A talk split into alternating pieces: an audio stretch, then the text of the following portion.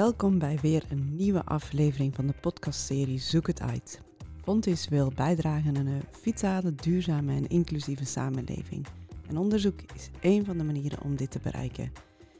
Wij laten zien met deze serie dat onderzoek doen dankbaar is, nuttig is en waardevol. En ja, zelfs dat het ook gewoon heel erg leuk kan zijn. Vandaag praat ik met Mohamed Tatali. Mohamed is docent en onderzoeker bij Fontis Bedrijfsmanagement, Educatie en Techniek.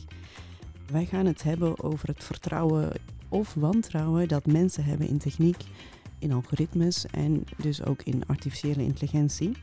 Nou ben ik zo iemand die ehm, ja, het eigenlijk altijd beter denkt te weten dan de navigatie in de auto. En dat is soms terecht, maar meestal, om heel eerlijk te zijn, is het niet terecht. Gelukkig blijkt uit dit gesprek dat ik daar niet de enige in ben. Wat volgt is een gesprek met iemand die ontzettend veel drive en passie heeft uh, voor zijn onderzoek. Die een uh, MWO-docentenbeurs in de wacht heeft uh, weten slepen. En daardoor onderzoek en onderwijs prima kan combineren. Waar het niet dat daar ook wel een stukje doorzettingsvermogen voor nodig is. Veel plezier met deze aflevering van Zoek het uit.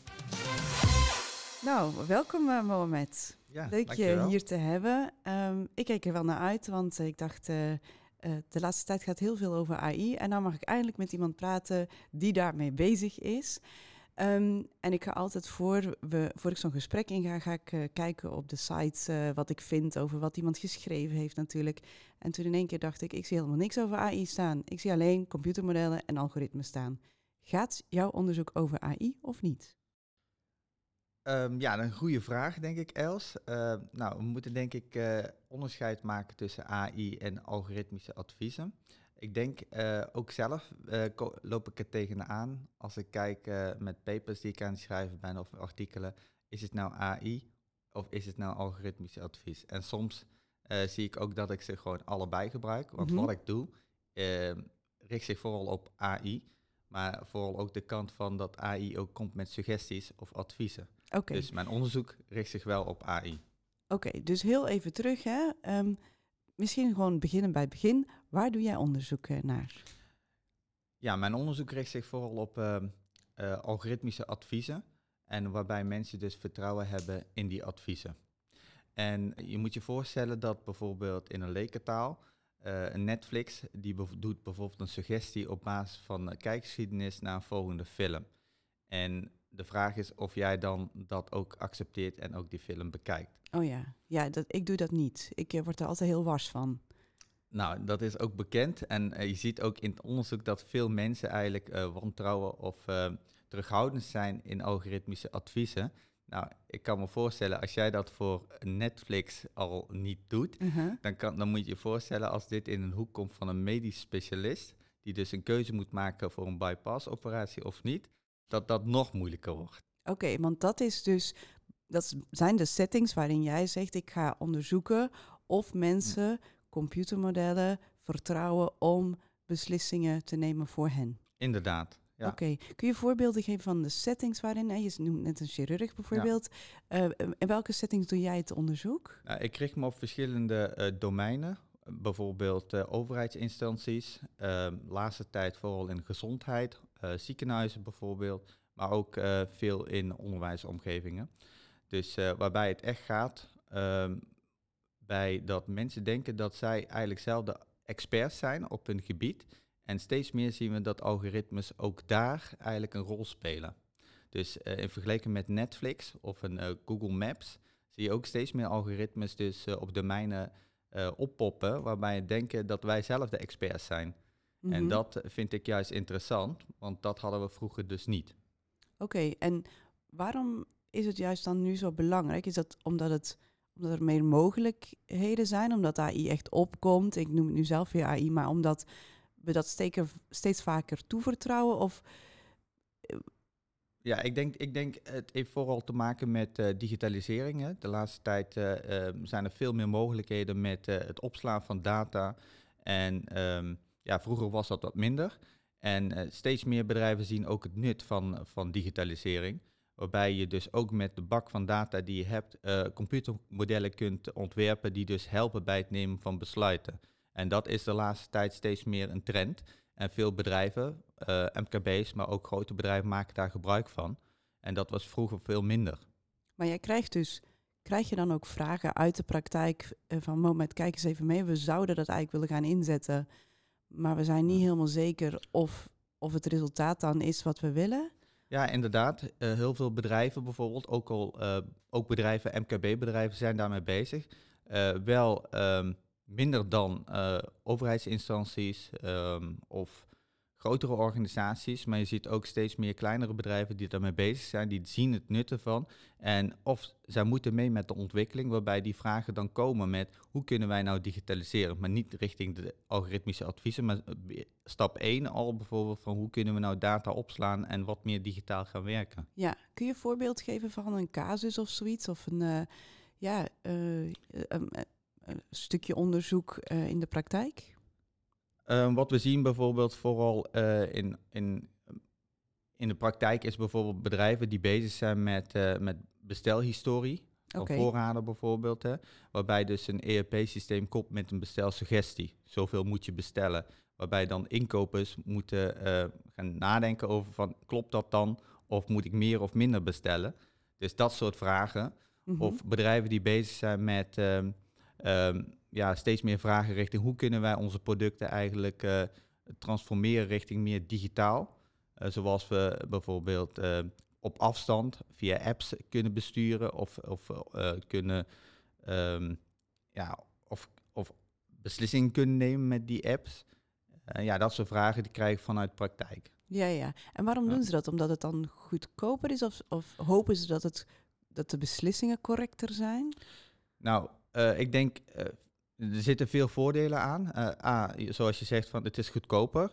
Uh, je moet je voorstellen, in plaats van dat uh, een, een, ehm, een operator naar een bepaalde plek moet gaan om te controleren of het nou werkt of niet, kunnen ze op afstand natuurlijk bekijken of het werkt of niet. Mm -hmm. En dat scheelt natuurlijk in kosten, een aantal FTE's. Daarnaast efficiëntie, denk ik. Hè? Dus het analyseren van data door medewerkers kost veel meer tijd vergeleken met bijvoorbeeld dat een een AI-model dat doet. Dat uh, scheelt ook. En ik denk dat ook als je kijkt naar de literatuur bijvoorbeeld, de performance van een AI is soms beter dan een expert. Dus wat dat betreft uh, ja, zitten daar ook voordelen aan. Um, ja, er zijn verschillende uitgangspunten die, die bedrijven eigenlijk meenemen waarom ze dat willen doen. Ja, ja, precies. Maar wel sneu voor die experts, toch? Of moet ik het zo niet zien? Ja, nou, dat, dat zie je in ieder geval wel terug. Hè, dat mensen denken van, nou, ik word eigenlijk vervangen dadelijk in de toekomst. Die, die angst is er. Maar dat hoeft niet altijd zo te zijn. In ieder geval, als je even terugkijkt naar bijvoorbeeld uh, um, automatisering, bijvoorbeeld. Hè, vroeger, dat, toen dachten mensen ook van, we worden allemaal vervangen. Maar dat is niet gebeurd. Hè. Mensen hebben andere uh, rollen gekregen. En dat zal nu ook zo gebeuren. In ieder geval, wat ik heb gelezen, is dat mensen zich helemaal niet... Uh, uh, ja, uh, aangevallen hoeven te voelen, omdat zij toch nieuwe taken krijgen, wat misschien dus alle repeterende taken wat al die tijd doen, uh, toch vervangen wordt door modellen, waarbij zij dus andere, um, ja, wat meer uitdagende taken krijgen. Ja, dus misschien wordt het ook gewoon wel leuker voor mensen om, om als ze dat vertrouwen eenmaal hebben of weten hoe ze het kunnen inzetten, dat ook hun werk misschien leuker wordt. Ja, dat denk ik wel. Dus ik, ik zie ook wel het effect van uh, experimenteren. Dus als je ermee werkt bijvoorbeeld, uh, dan zie je ook het nut ervan. En, en je ziet ook dat de performance ook goed is. Dan zeg je van, nou, dat scheelt best wel veel tijd en het wordt ook wel leuker. Maar mensen die dus uh, eigenlijk van afstand ernaar kijken, die hebben nog steeds wel het angst van, ja goed, we gaan toch niet een computermodel vertrouwen. En uh, ik heb al heel lang uh, ervaring en ik heb zoveel casussen al gezien. Dus ik, ik weet hier wel wat, wat uh, gezegd moet worden. Ja, een beetje mijn, mijn reactie op Netflix om zo maar te zeggen. Ik weet zelf wel wat ik graag ja, kijk en daar heb ik jou niet voor nodig. Ja, ja, ja. precies. Hey, um, waarom is dit belangrijk voor het onderwijs? Hè? Want je hebt heel duidelijk gemaakt dat ja. de bedrijven hier, dat het echt vraagstukken zijn die, die spelen hè, in het MKB, maar ook bij grote bedrijven. dat denk ik ook meteen dat het maatschappelijk natuurlijk, dat er ook gewoon heel veel Kijk, als je dingen sneller kunt doen of beter kunt doen, dan kun je misschien ook meer maatschappelijke problemen uh, oplossen. Ja. Maar waarom is het voor het onderwijs zo belangrijk dat, dat hier onderzoek naar gebeurt? Ik denk uh, dat wij als onderwijs uh, ons niet kunnen terughouden. Bijvoorbeeld sinds afgelopen jaar is ChatGPT gelanceerd. Hè? En toen zijn er al heel veel vragen naar voren gekomen. Hoe moeten wij hiermee omgaan en hoe kunnen we dit nou beperken? Alleen je ziet dat dat niet gaat. En ik denk dat die ontwikkelingen snel gaan. En dat vooral nu heel veel studenten ook meer te weten komen dan wat ze voorheen wisten. En, ehm, en wij als onderwijsinstelling moeten denk ik ook ons zelf gaan ontwikkelen op dit vlak. Met name richting bijvoorbeeld hoe gaan we nou toetsen? Wat vinden wij nou belangrijk bijvoorbeeld? Hè? De ontwikkeling, de gedachtegang of is het meer de uitkomst? Dus als onderwijsinstelling denk ik dat we hier zeker veel mee te maken gaan krijgen. Maar ook bijvoorbeeld gefocust op mijn onderzoek. Steeds meer studenten worden ook dadelijk opgeleid met AI-modellen. Dus dat vertrouwenaspect richting de studenten is ook belangrijk. Ja. Wanneer moet ik het vertrouwen, wanneer ik moet niet vertrouwen, wanneer is een model goed, naar hoeveel data is die nou, nou geschikt bijvoorbeeld. Dat soort vragen, die zijn allemaal belangrijk, ook voor ons denk ik, om uh, daarmee aan de slag te gaan. Dus je zegt eigenlijk ook, het is, het is er al, we kunnen het ons niet veroorloven om er gewoon niet de studenten ook mee op te leiden of voor op te leiden hoe ze hiermee om moeten gaan. Ja, precies. En, en jij betrekt ook studenten denk ik bij je onderzoek, toch? Ja, op welke manier? Nou, in ieder geval, ehm, ehm, ik betrek ze nu vooral bij, uh, in het kader van hun eigen afstuderen. Ik probeer... Afstuderen bij? Bij, bij verschillende instanties in ieder geval. Ik probeer, en voor welke opleidingen dan? Voor opleiding in ieder geval waar ik werk, technisch bedrijfskunde, zie ik in ieder geval dat ehm, ja, studenten het leuk vinden om ook buiten de kaders van technisch bedrijfskunde traditionele opdrachten zoals doorlooptijd, productiviteit, om ook te kijken bijvoorbeeld op andere vlakken waarbij de interactie met technologie en de mens een belangrijke rol speelt. Zo zie ik bijvoorbeeld dat een student die gaat bijvoorbeeld in februari aan de slag bij het Catharine ziekenhuis, waarbij ze aan de slag gaan met een slimme camera en de effecten op de verpleegkundigen. En eh, zo heb ik ook twee eh, andere onderzoeken afgerond met twee studenten. Eentje bij een overheidsinstantie en andere bij een uh, intern in samenwerking met Fontens Paramedisch. Waar we, gaan, uh, waar, we zijn, waar we onderzoek hebben gedaan naar het effecten van algoritmische adviezen via een diabetische voetencheck app en de effecten op vertrouwen van op podotherapeuten. En je ziet daar ook dat studenten echt wel enthousiast zijn en leuk vinden. En zelf ook heel veel voorsprong krijgen dadelijk uh, op het werkveld als ze hiermee uh, klaar zijn. Mm -hmm. Twee vragen. Ja. Even over die podotherapeuten ja. bijvoorbeeld. Hè. We hebben een paar uh, weken geleden ja. we ook iemand gesproken, een tijdje geleden, over inderdaad van uh, Fontis Paramedis. Um, net iets andere invalshoek, maar ik ben heel benieuwd. Het resultaat, was er vertrouwen bij de podotherapeut in het algoritme? Dat is een goede vraag. En vooral als je kijkt naar uh, hoge risicogevallen, uh, bijvoorbeeld diagnosticeren, uh, of voor een wond of een eelt, dan zijn mensen, uh, in ieder geval podotherapeuten, experts nog terughoudend. Dat okay. is ook in lijn met wat we zien in de literatuur. Maar wat, we wel interessant, wat wel interessant is, is in ieder geval dat podotherapeuten wel openstaan voor bijvoorbeeld laagdrempelige hulp bij het assisteren van diagnoses. Zoals bijvoorbeeld bij triage of okay. bij risicodetectie. Dus daar zie je ook dus dat um, een andere vorm van algoritmisch advies dus wel vertrouwen creëert dan dat je in de hardcore, dus diagnose en detectie, uh, op de stoel van de expert gaat zitten. Oké, okay, dus een aanvullend eigenlijk uh, wordt die wel geaccepteerd. Ja. Mijn tweede vraag daarover was, um, vraagt het van studenten een bepaalde skill of een bepaalde mindset om mee te doen aan onderzoek zoals het jouwe? Ik denk dat het vooral... Um, ja, enthousiast zijn, dat is belangrijk. En nieuwsgierig. Uh, dat dat twee belangrijke dingen zijn. En je willen gaan voor ook nieuwe dingen leren. Want ik denk in, het kader van mijn eigen studenten technische bedrijfskunde AI, we, besteden daar weinig uh, aandacht uh, in onze opleiding nu nog.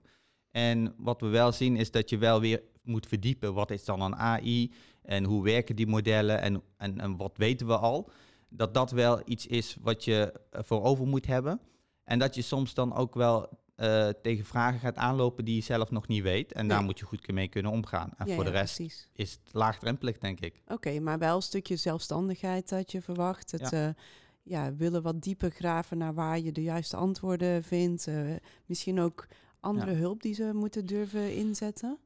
Ja, inderdaad. Kijk, uh, in mijn eigen onderzoek richt ik me niet op de modellen zelf, hè, dus niet de technische kant. Maar in ieder geval, het is wel belangrijk om te begrijpen hoe het überhaupt werkt hè, in de hoofdlijnen. Ja. Het gaat er vooral om de interactie. Als er een suggestie komt, hoe mensen daarmee dan omgaan. Dus, dus meer de achterkant. Ehm, dus daarbij is het wel enigszins belangrijk dat je weet hoe zo'n model werkt, maar tot in detail is dat niet nodig. Dus ehm, ja, het is niet zo heel moeilijk, vind ik. En ook bij het selecteren van studenten let ik niet op of ze nou een AI-expert zijn of niet. Dus nee. het gaat Waar kijk je wel naar dan? Nou, vooral naar de, of ze nieuwsgierig zijn, of ze bijvoorbeeld niet bang zijn om bijvoorbeeld, uh, uh, ja, uh, als, een, als er dingen komen die ze niet weten, om dan verder te uitzoeken. En, en als het niet lukt, bijvoorbeeld met, met het vinden van juiste participanten, dat ze dan op alternatieven kunnen, kunnen gaan zoeken. Of um, ja, dat ze vooral ook bijvoorbeeld, wat ik zelf ook ervaren is bijvoorbeeld dat uh, wat je opzet, dat dat niet in eerste instantie ook altijd oké is. Hè? En dat je dan moet meer moet nadenken en dat je moet begrijpen door meerdere iteraties dat het dan beter wordt. Hè? Mhm. Dat je daarvoor open moet staan, dus open voor feedback. Dat vind ik belangrijk. En dat je ook dus niet uh, de strikte um, template moet volgen die wij al jaren gebruiken. En dat je dus ook buiten de kaders om mag komen tot nieuwe ontwikkelingen en daar trots op mag zijn. Ja, ja. Dus ook ja, eigenlijk een beetje durven falen, zou ik uh, inderdaad. zeggen, toch? Ja, ja. Maar dat is ook onderzoek, toch? Ja, ja, ja. dat is het inderdaad wel. Dat, uh, uh, uit vorige gesprekken blijkt ook inderdaad dat soms toch wel een lange adem hebben en doorzettingsvermogen echt tijd van wachten hebben wel heel belangrijk is als je, als je aan, ja. aan onderzoek uh, doet. Um, moment, waarom jij? Um, jij? Eigenlijk jouw achtergrond is uh, ja, industrial engineering, maar volgens mij, als ik het goed heb begrepen, toch vooral ook logistiek is, is je achtergrond. Ja. En dan ga je deze kant op. Waarom? Nou ja, um, dat klopt. Hè. Dus ik heb een technisch bedrijfskundige opleiding met ook supply chain afgerond, dus meer de logistieke kant. Maar ik vond het altijd al uh, interessant om uh, de interactie tussen technologie en mens, uh, ja, hoe dat, de, dat, dat werkt. En, en, en, ja, en ik ben eigenlijk ooit begonnen met, met, met de vraag van hoe kunnen we nou Robotic Process Automation, RPA, inzetten bij inkoopvraagstukken. Bijvoorbeeld bij factureren of bij orderbevestigingen bijvoorbeeld, hè, laagdrempelig. Waarbij dus repeterende taken van inkoper wordt overgenomen door een soort robot een software robot. En uiteindelijk is het wat breder getrokken naar algoritmes, waarbij niet alleen maar de inkopers, maar over het algemeen dus uh, algoritmes een bijdrage leveren op heel veel vlakken. En dat vond ik veel meer interessanter, om ook te kijken op uh, nieuwe gebieden buiten mijn kaders. En dat vind ik juist interessant.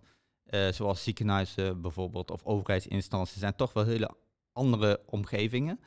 En ja, zo ben ik eigenlijk een beetje beland in, in, in dit onderzoek. Ja, dat verklaart het topic, hè, waar je, waarom je daarin geïnteresseerd bent. Maar ben je een onderzoeker? Heb je altijd dat al gehad, de ambitie om onderzoek te doen? Hoe past dat bij jou, bij wie jij bent? Ja, dat is een moeilijke vraag. In ieder geval, ik denk, ik was altijd wel nieuwsgierig en ik wilde altijd ook gaan promoveren en uh, onderzoek doen. En ik heb me ook uh, altijd als vrijwillig aangemeld voor het lectoraat. Dus uh, ja, ik stel continu wel vragen. Ik wil begrijpen waarom dat zo is. Mensen in mijn omgeving vragen ook wel van ja, waarom is het allemaal zo belangrijk? En, en dat, dat vind ik interessant. Ik wil komen tot nieuwe resultaten. En ja, en, en jezelf willen ontwikkelen, ik denk dat dat het belangrijke is. Uh, ja, het belangrijkste is voor, voor onderzoek, dus vooruit willen gaan. En dat merk ik ook wel door onderzoek doen, kom ik steeds achter dat ik heel weinig weet. En, en ja, en dat inspireert mij. Dus uh, ja, je bent eigenlijk niet meer de, de expert op jouw eigen gebied. Zo lijkt het eigenlijk wel, maar dat is toch niet. Oh, en, maar dat lijkt me ook wel een beetje eng, toch? Er zijn Ja, mensen die heel precies. onrustig worden als ze zeggen, ja, maar dat snap ik niet of ik weet het niet. Ja. En jij zegt, dat stimuleert mij juist. Ja, dat stimuleert mij, dat vind ik juist leuk. En dat, dat biedt ook meer mogelijkheid om dan verder te ontwikkelen. En ja, dat, dat vind ik leuk. Dus uh, vandaar denk ik dat ik echt wel een onderzoeker ben. Alleen ja, soms heeft het ook natuurlijk nadelen, zoals bijvoorbeeld data analyseren, krijgen van de data, uh, vinden van de juiste participanten, stellen van de juiste vragen. Maar goed, dat zit, dat zit er ook een beetje in het onderzoek zelf. Mm -hmm. uh, maar dat, dat boeit mij eigenlijk vooral. Ja. ja, want waar loop jij zo tegenaan? Hè? Wat zijn nou, je doet dit naast je baan, doe je dit. Hè? Je hebt een docentenbeurs om te mogen promoveren bij de NWO in de, de wacht mogen slepen. Um, maar waar loop jij zo tegenaan? Waar lopen, denk jij, jij, maar ook andere onderzoekers tegenaan? Misschien zelfs in de combi met onderwijs of in de combi met je privé. Wat, is, wat zijn de grootste uitdagingen? Um, ja, ik, ik, denk een aantal, aantal punten. En eerste is natuurlijk een combi uh, tussen, tussen uh, parttime werk met Fontis en ook een gezin. Uh, dat in balans houden, dat is, dat is echt een uitdaging.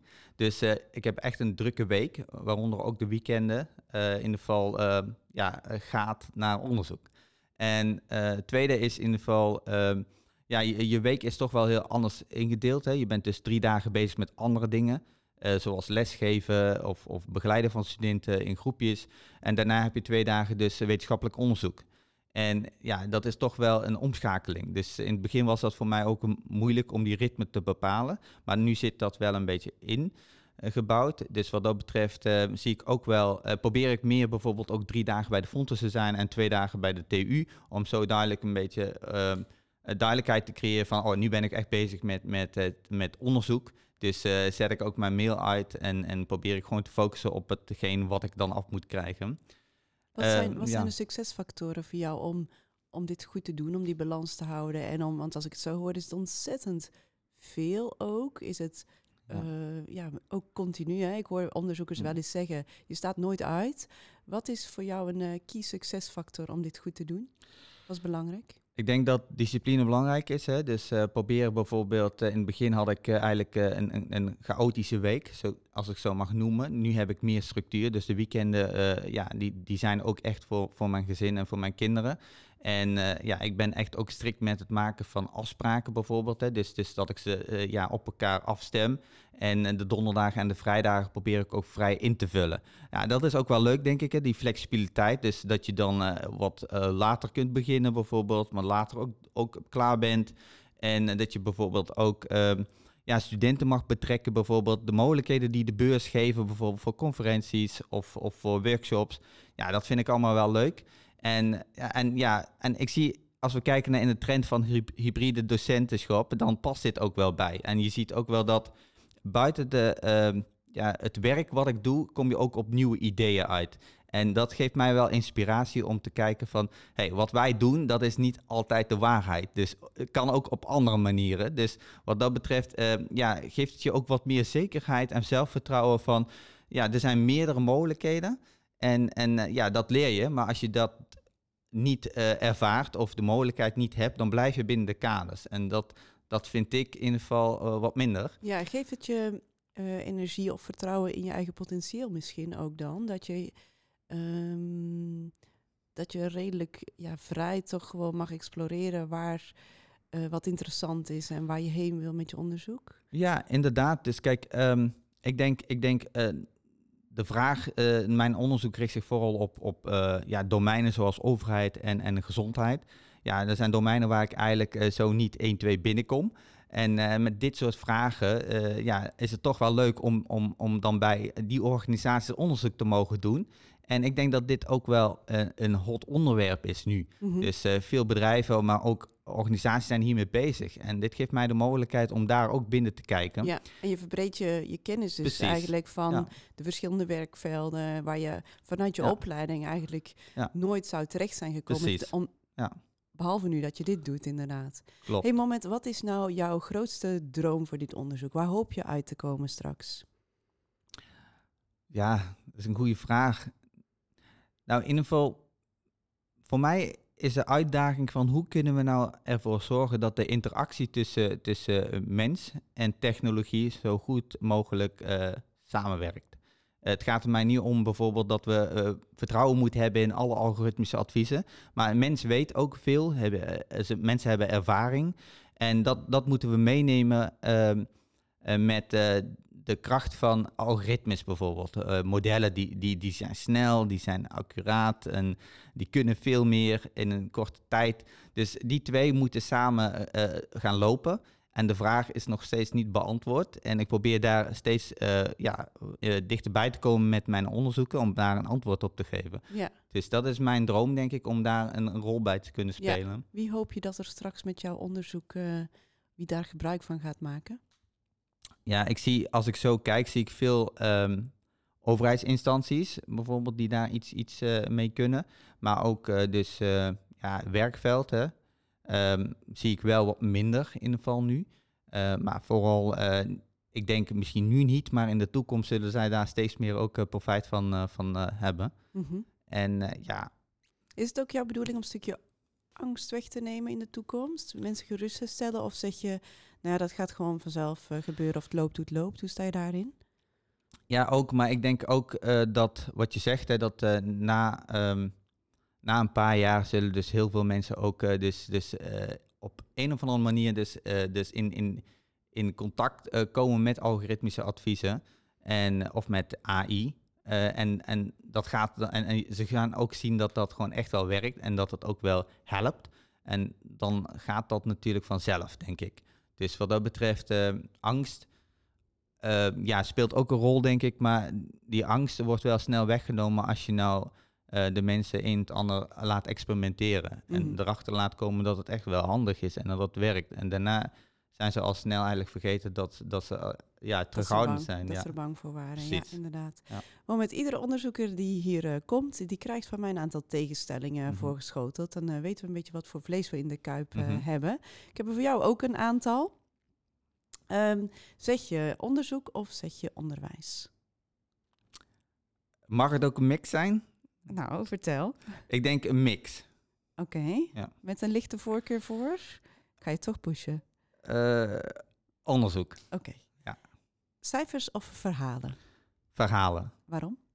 Ja, omdat daar toch wel wat diepliggende eh, meningen en, en ervaringen in zitten. Daar ben ik wel meer in geïnteresseerd. Oké. Inspanning of ontspanning? Af en toe inspanning en af en toe ontspanning. Ja, maar daar, dat is vis Eh, nog inspanning dan. Oké. Inspanning, ja. Ehm, high Impact Journal of studenten die met jouw werk aan de slag gaan? Ja, ik maak het je niet makkelijk, hè? Ja, ik, ik, ik haal er meer uit met studenten. Oké. Ja. Ja. Ehm, ben je een vroege vogel of een nachtbraker? Eh, ik ben een nachtbraker. Tot hoe laat ga je door? Ehm, als ik niet oplet, s'nachts half twee, twee uur. Zo. Ja. En kun je dan s ochtends opstaan? Nou, dit, dit, dit gebeurt meestal dus op de donderdagen en de vrijdagen. Dus Ja. die flexibiliteit heb ik dan. Dus eh, ja. Ja. En dan kun je dus zelf ook zeggen, ik zit er lekker in, kan Ja, doorwerken. precies. En de dag daarna hoef Inderdaad. ik dan in ieder geval niet zo Ja. heel vroeg op. ja, klopt. Ehm, en de laatste, vind je mingelen op een conferentie fijner of lekker in je werkkamer zitten schrijven? Nou, ik heb dus twee conferenties gehad. En eh, ja, ik vond het heel leerzaam. Dus eh, ik kies voor conferentie. Ja, wat haal je daaruit? Nou, vooral ook om te kijken, jezelf positioneren tussen andere onderzoekers. Hè. Eh, wat, wat hebben zij gedaan en, en hoe, hoe past jouw onderzoek eh, in, in, hun, in hun onderzoek? Dus eh, dat vind ik wel interessant. En zo zie je ook dat het eigenlijk niet zo eng is om onderzoek te doen. En dat je toch best wel past, ook dit nu halverwege, maar dat je toch wel een bijdrage kan leveren ja, in het wetenschap. Dus ja, zo, dat helpt mij verder. Ja, het Ja. stimuleert ook Ja, inderdaad, inderdaad. zeg je. Ja. Hey, met, eh, even tot slot, hè. stel nou eh, mensen luisteren hiernaar. Eh, misschien studenten die het ook leuk vinden om onderzoek te doen. Of een, een, iemand in het veld die zegt, goh, ik ben eigenlijk toch ook, ik zit net op met die vraagstukken ook. Waar kunnen zij iets over jou vinden? Kunnen ze jou contacteren? We kunnen misschien je e-mailadres er sowieso wel bij zetten. Heb jij ook ergens wat informatie over je onderzoek staan? Ja, mijn, ik heb een pagina ehm, eh, eh, op Fontis, hè, op Fontis Lectoraat. Daar, staat, eh, daar probeer ik zoveel mogelijk mijn, eh, mijn onderzoeken te publiceren. Het eh, lectoraat Ja, Industrial Engineering en precies. Entrepreneurship. Ja. daar kunnen ze mij, ze kunnen mij ook mij mailen. Ik sta daarvoor ook open. In ieder geval, ik kan niet altijd een, een, een, een duidelijke bijdrage leveren, maar ik vind het leuk om mee te denken. En als er studenten zijn die bijvoorbeeld mee willen werken in onderzoeken, ja, daar sta ik voor open. Ik denk dat we samen leren en dat, vind, dat, is, vind- dat is een uitdaging. Ja, die mogen Ja. zich eh, bij jou eh, Zeker, melden. ja. Heel erg bedankt, uh, Mohamed. Ik wens ontzettend veel eh, succes toe eh, met de rest eh, van je onderzoek. Ik heb trouwens gisteren toch een suggestie van eh, Netflix eh, gevolgd. En ik heb nog maar één aflevering gekeken, maar hij beviel me toch. Nou, zie je? Dus het werkt een Het beetje. werkt. Ja. Hey, heel erg bedankt, hè. Oké, Els, dank u wel hè.